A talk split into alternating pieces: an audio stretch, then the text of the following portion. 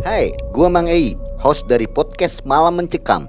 Saat ini gua dan tim sedang bekerja sama dengan Anchor, sebuah aplikasi yang kita gunain untuk membuat dan publish podcast kita ini. Kita mau kasih tahu nih, ternyata membuat podcast itu gampang banget dan 100% gratis. Selain gampang dan banyak digunain, semuanya yang kita perluin untuk membuat podcast juga ada di dalam Anchor. Termasuk untuk distribusi ke Spotify dan platform podcast lainnya. Yuk segera download aplikasi Anchor dan bikin podcast kamu segera. Bapak-bapak di sini silahkan ngobrol sama saya jam 12 sampai jam 12 malam. Apa pun yang terjadi jangan sampai Bapak lari atau ketakutan. Nah barangkali ada yang isinya sampai ngikut ke rumah ya mungkin dia hanya pengen tahu karena mungkin kalau toh bahasa kitanya orangnya tanya pak. Mungkin dia nantangin saya. Kan gitu. Nah, jadi makanya saya sekali lagi tegaskan saya hanya bisa membicarakan kronologi saya. Nah istilahnya kronologi saya di sini tuh mungkin sangkaan warga atau prasangka siapa pun yang tidak tahu kronologisnya saya di sini. Mungkin ada suruhan atau ada imbalan dari setiap bulan atau setiap minggu dari per orang dari sini itu pun saya tidak ada. Ya mungkin saya setahun sepisan memasang kotak itu pun tidak dipaksakan.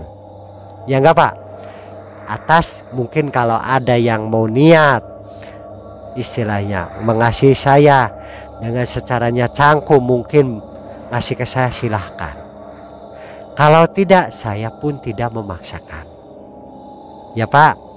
Jadi saya sekali lagi tegaskan walaupun di mana siapa pun kalau kita niatnya ibadah dan tidak membutuhkan imbalan insya Allah kita itu hidup akan tenang walaupun mungkin secara nyata kita diganggu atau dihujat baik dari teman baik dari keluarga baik dari masalah bangsa halus kita tetap pribadian tetap kita akan istilah membaktikan atau ibadah ke Gusti Allah. Dengan perantara kita mengurusi kuburan yang terbengkalai. Kan gitu ya Pak? Nah, karena jadi ibadah itu ada berapa macam dan kalau istilahnya diceritakan mungkin tidak akan cukup. Satu malam ya Pak?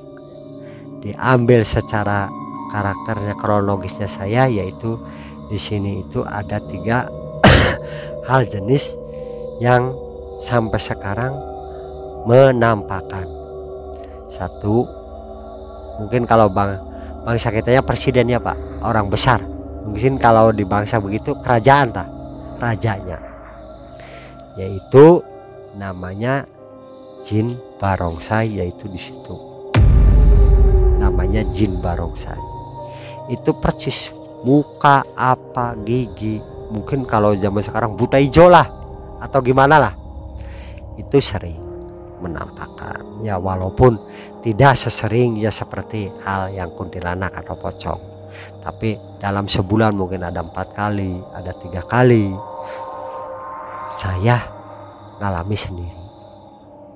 Kalau setiap saya habis muter dari kuburan kontrol pasti saya namanya manusia capek duduk minum. Itu paling udah berdiri udah di samping saya. Itu saya berdiri pun dia cuman sebatas dengkul. Sebatas dengkul dia. Ketinggian saya yang mau nurut saya itu tinggi kan? Karena itu melebihi batas. Makanya saya kalau lihat dia berbacakan istighfar. Takut sama setan bukan.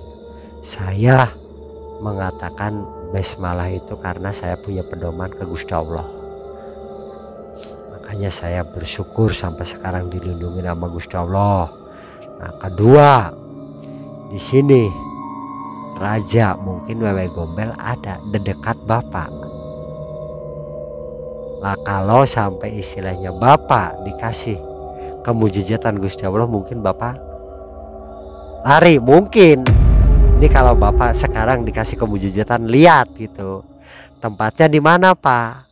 Nggak jauh. Itu di bawah bata itu dulunya kan pohon bambu. Nih ini yang dibikin sumur di bawah saya tuh. Itu ada sumur. Nah itu di situ adanya.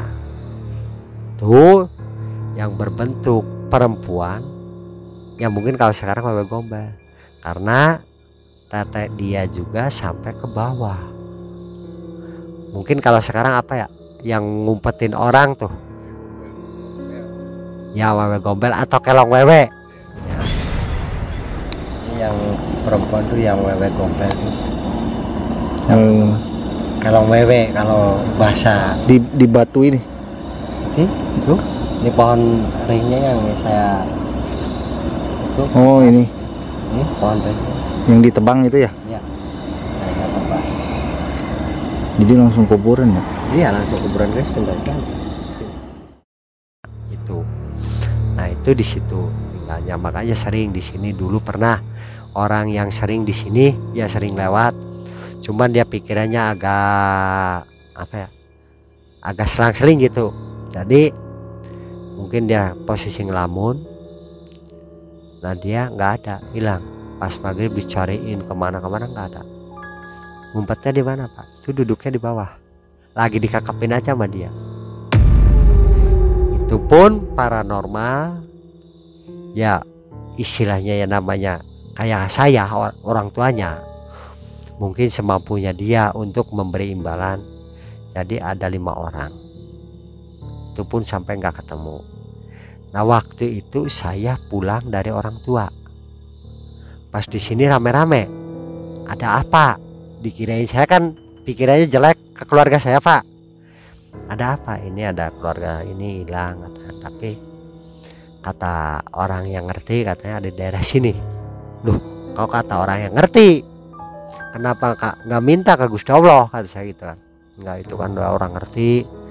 Dia kan ya kayak bapak tadi lah bilangnya mbah gitu kan. Makanya ya dia sampai di sini ngasih sajen saya sempat berdebat jangan ngasih sajen di sini. Karena kuburan ini itu bukan untuk tempat sajen. Maaf untuk tempat mendoakan keluarga kita yang udah nggak ada. Semoga diterima amal ibadahnya. Kalau di situ ngasih sajen urusannya saya dulu yang makan sajennya. Nah, karena itu musyrik. Sampai saya dibilang gini kamu itu anak kemarin sore sabab yang ngasih sajennya itu yang dibilang paranormal itu antara umur 65 orang yang udah punya umur lah udah tua. Nah, cuman saya berinisiatif begitu ke keluarganya minta ke keluarganya tolong udah jangan disajenin silahkan di situ ambil wudhu kita berdoa bersama. Musola belum berbentuk baru pasang pondasi kita minta menunggu sampai istilahnya jam antara jam 9 jam 8 menggelar tikar kelasa dan kita berdoa. Datang yaitu perempuan yang saya tadi ceritakan. Dia keluar dari situ menanyakan di situ ngeganggu saya? Saya lagi senang-senang. saya yang dikasih kepercayaan Gusti Allah bisa mendengar dan bisa melihat ya alhamdulillah saya komunikasi dengan catatan jangan sampai melempar bunga ke arah belokan kali ini apa pun nah syaratnya minta segitu Kalau sampai ada yang lempar bunga ke belokan kali ini, jangan mengharap bisa ketemu lagi. Berarti dia mau jadi suami saya. ya kan gitu saya sampai sekarang ya alhamdulillah tidak ada yang sekarang yang masih dipertanyakan oleh masyarakat yaitu ular. Di bawah kali. Karena ular di kali itu kalau ada anak-anak zaman sekarang kan ngikap ular itu kan berani ya pak. Berani dikap buat mainan. Itu malamnya kayak cacing. Keluar semua. Ya walaupun nggak naik tapi kan lihatnya gimana? Makanya di sini anak-anak yang sering nyari ular atau nyari biawak bawah kiri gitu saya bilang jangan sekali-kali kamu matiin ular atau membawa ular ke rumah. Ini di sini yang yang nunggunya ular hitam. Di mananya, Mang? itu di situ. Oh, ada lubangnya tapi kalau itu keluar. Itu besarnya sepohon pisang Gede tuh, kayak anaconda tuh. iya. Cuman tuh kalau udah keluar pulangnya ke mana keluarnya dari mana. Tapi pas di sini hilang. Hmm. yang ditakutkan terjadi kayak teman kamu. Tahu kan? Ya mang. Itu sih ini sih bukan ular ya mang ya. Itu si cacing. Ya itu sih terserah kamu. Ya masa ular segitu banyaknya dari mana mang? Nah itu ular tuh berbentuk apa ularnya itu ada semua di sini. Makanya masih mistik nah di sini gitu makanya saya tidak menganggap sepele saya tidak membesar-besarkan keadaan di Janglang atau menakut-takutan, bukan. Saya hanya yang kealaman saya, kronologi saya selama tinggal di sini, saya banyak terjadi hal-hal yang bisa dikatakan menakutkan dan mengerikan. Mengerikan ya apa dan menakutkannya siapa? Itu bukan manusia. Yang jadi mengerikan kalau dia menghujudkan menampakkan istilahnya dirinya itu yang bukan-bukan. Karena apa? Ada ya orang kecelakaan. Ada yang orang mati beranak gendong anak. Itu kan kita kan takut takut. Ya kan? Semua manusia biasa nah makanya di sini yang sering disebut namanya baik pun anak bercanda atau baik pun orang tua yang udah tahu itu apa? Mei Mei perempuan cantik matinya tabrakan. Kuburannya itu orang cantik. Dulu bakal nangis di sini minta tolong nih samping lampu. Nangisnya. Kalau diusir di sini ke rum pindahnya ke rumah depan nah rumah depan larinya ke sini ke saya Makanya saya kadang-kadang sempat bingung. Saya itu orang yang nggak bisa apa-apa. Hanya saya punya keyakinan, istilahnya percaya diri. Saya pengen ngebakti menata kuburan di sini tanpa ada paksaan atau suruhan orang lain. Kan gitu Pak. Nah, makanya sampai sekarang juga ya alhamdulillah saya berdampingan di sini menampakkan wujud ya seperti saya ceritakan tadi yang keluar matanya ada yang istilahnya kelihatan aja cuman badannya aja ada. Cuman di sini itu kalau dibicarakan berarti tiga aliran Konghucu Kristen Muslim. Jadi tiga aliran. Ketambah sekarang pembuangan. Yang tuh yang ada lampu itu yang dari pembuangan rumah sakit itu yang tabrak lari nggak ada Pak. bukan pembuangan. Itu jadi yang tabrak lari nggak ada keluarga nggak ada keluarganya. Jadi kan dikubur di situ. Ya di Pemda juga. Itu pun sekali-kali kadang sering berdampingan ke sini. Adaptasi. Nah, kadang-kadang yang ketinggalan dari ambulan dari rumah duka pulangnya ke sini diibaratkan saya sering mengantar kalau kata sombongnya. Cuman apa sih yang saya harus bilang ke orang lain kalau saya sering didatangin begitu? Apa sih apa orang itu bakal percaya dengan lisan saya ya pak? Yang ditakutkan saya orang tersebut percaya saya lupa diri. Jadi kepalanya besar. Ego kan gitu sedangkan saya juga makanya saya nggak mau cerita. Paling orang cerita mang takut enggak? Ya namanya orang hidup pasti aja pikiran takut. Kan gitu. Nah makanya saya terangkan sekali lagi. Saya itu di samping ibadah jadi saya mempelajari hidup saya. Ahlak saya, merubah tingkah laku saya, bukan merubah orang lain, merubah ego saya yang tadinya besar, ketakutan saya yang tadinya besar, yang isinya sedikit-sedikit marah. Kamu berani sama saya enggak kan gitu? Saya sekarang lagi dirubah, lagi sekolah.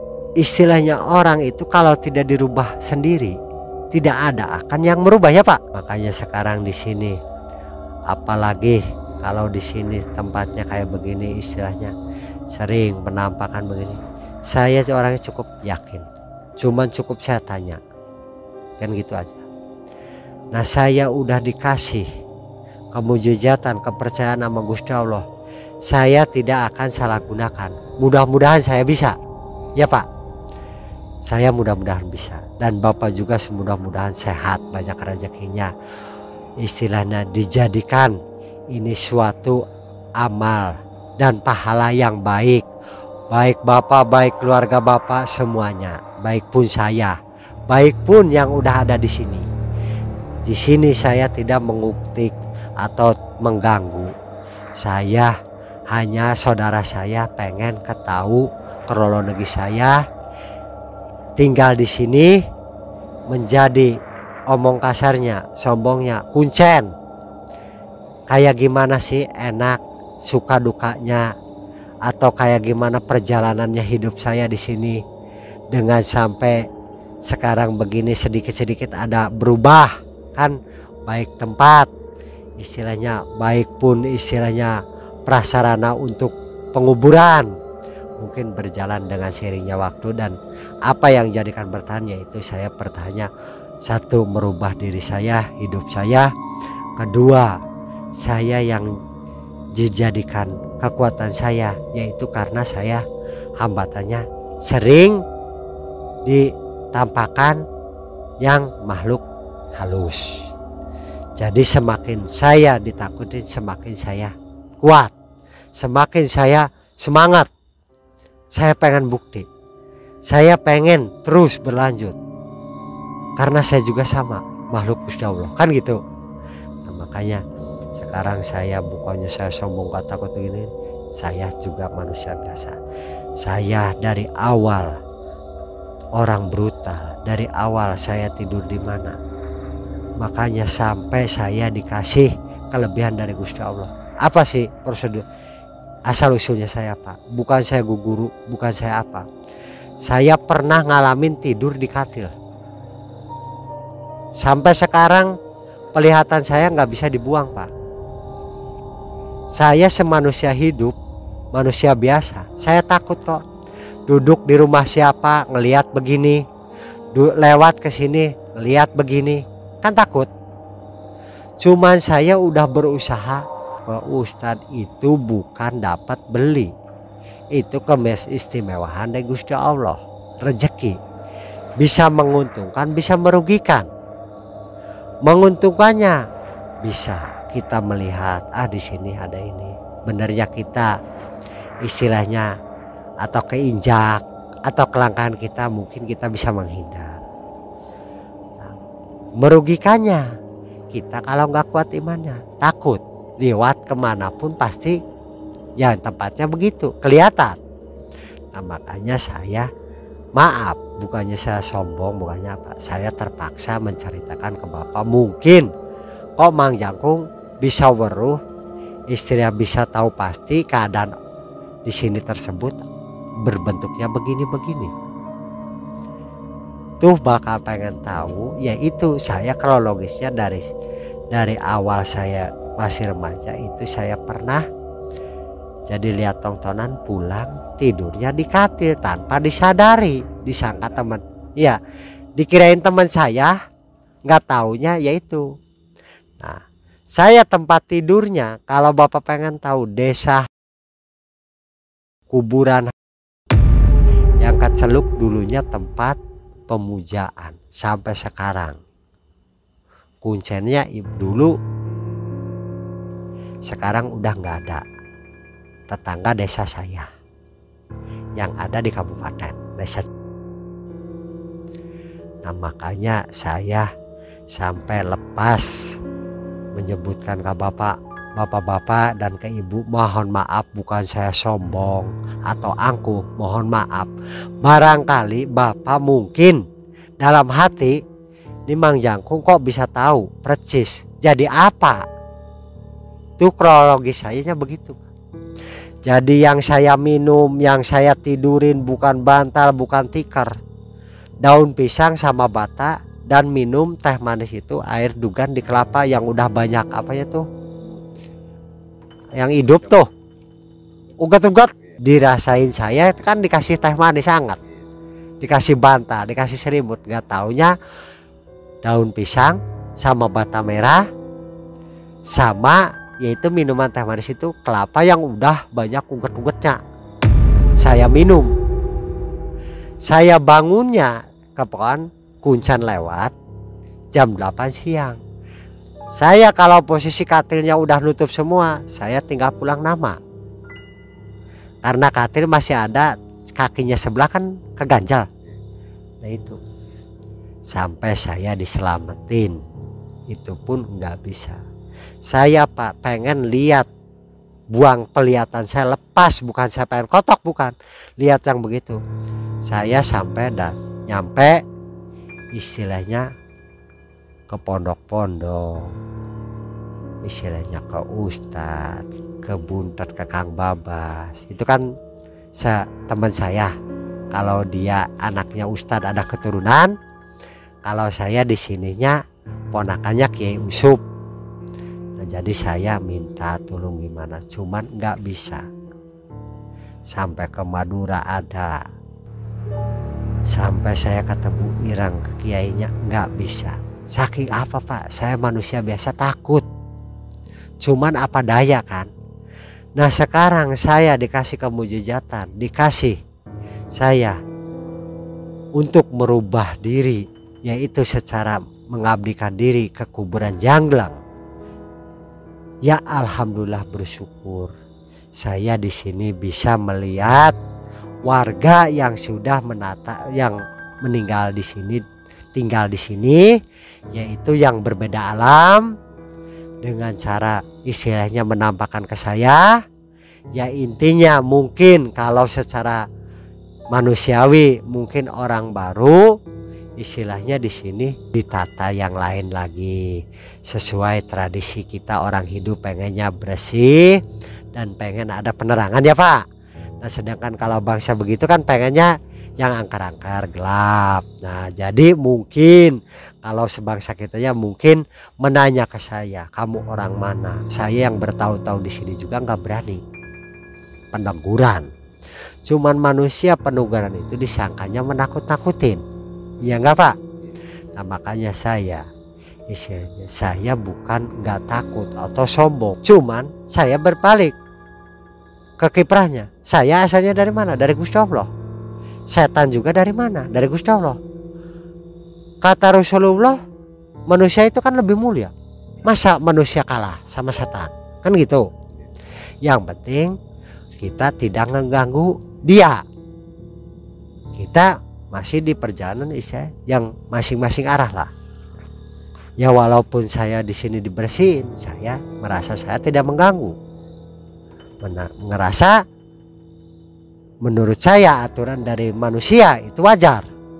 Manusia itu perlu hidup satu bersih kedua lingkungannya terang dan istilahnya layak. Ya pak? Hanya sekarang di sini ya saya minta maaf saya bukan menakut-nakutin istilahnya saya kronologi saya di sini tuh jadi banyak hal-hal yang mistik yang itu yang semah bukan dari manusia gangguannya dari bangsa halus jadi terharu juga dan bangga gitu dengan kemuliaan hati dari Mang Jangkung yang mengabdikan dirinya hampir berapa tahun berarti sekarang? Berarti sekarang kalau menincak saya di sini ngabdikan udah empat tahun. Empat tahun ya? Empat tahun. Ya.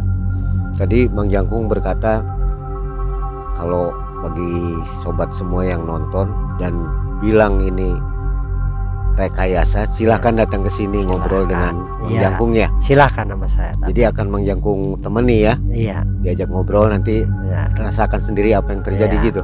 Siap. Ya, itu ada tantangan dari Mang Jangkung silakan. Untuk Ya, yang itu pun saya istilahnya bukan sombong. Dan saya menjaga yang ditakutkan. Mungkin lepas dari sini tidak apa-apa. Yang ditakutkan ngikut ke rumah makanya bukan saya nggak mau bukan saya menantangin pemirsa saya hanya menganjurkan itu keluh kesahnya saya betul.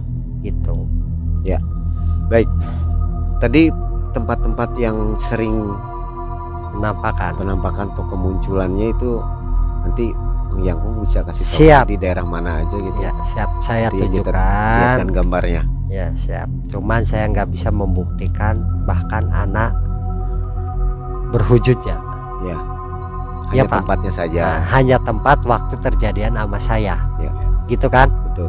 Saya mohon maaf kalau menumpahkan wujudnya. Saya bukan nggak mau sombong lah.